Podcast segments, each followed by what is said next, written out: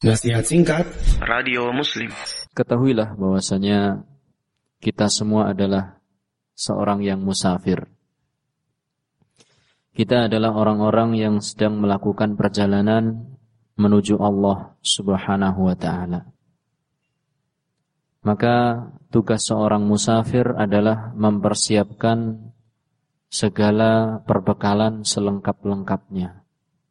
Anda yang usianya 30 tahun adalah orang yang berjalan kepada Allah. Anda yang usianya 40 tahun adalah orang yang berjalan kepada Allah Subhanahu wa taala.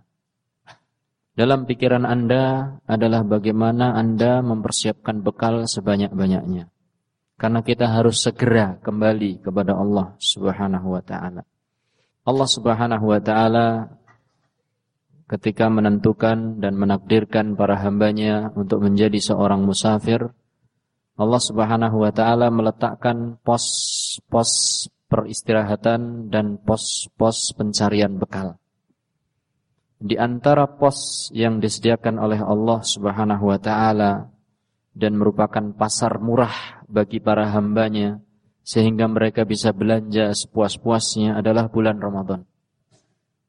Bulan Ramadan adalah kesempatan, adalah tempat di mana seorang musafir yang sedang menuju Allah Subhanahu wa taala untuk belanja bekal sebanyak-banyaknya. Kita ini adalah seorang musafir sebagaimana dikatakan oleh Rasulullah sallallahu alaihi wasallam, "Kun fid dunya ka'annaka gharibun aw 'abirus sabilin." Jadilah engkau ini di dunia seperti orang yang asing Orang yang bukan berada di tempat tinggalnya.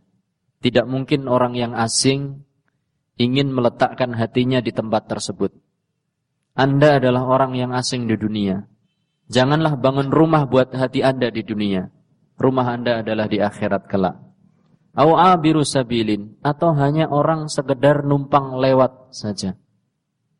Maka ketika kita lewat di pasar Ramadan di mawasimil khair, bulan-bulan yang penuh kebaikan seperti Ramadan ini, mari kita gunakan kesempatan sebaik-baiknya, semaksimal mungkin untuk memperbanyak bekal kita.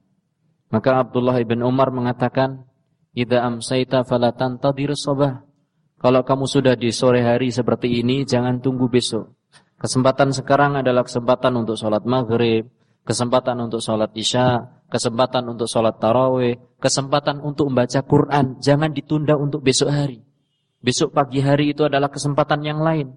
Kata Ibnu Umar, wa idza asbahta fala tantadiril masa. Kalau kamu sudah di pagi hari, jangan tunggu sampai nanti sore. Pagi hari adalah kesempatan untuk sholat subuh, kesempatan untuk sholat duha, kesempatan untuk baca Quran, untuk birrul walidain, untuk mencari nafkah buat keluarga, untuk sholat duhur, untuk sholat asar, demikian seterusnya.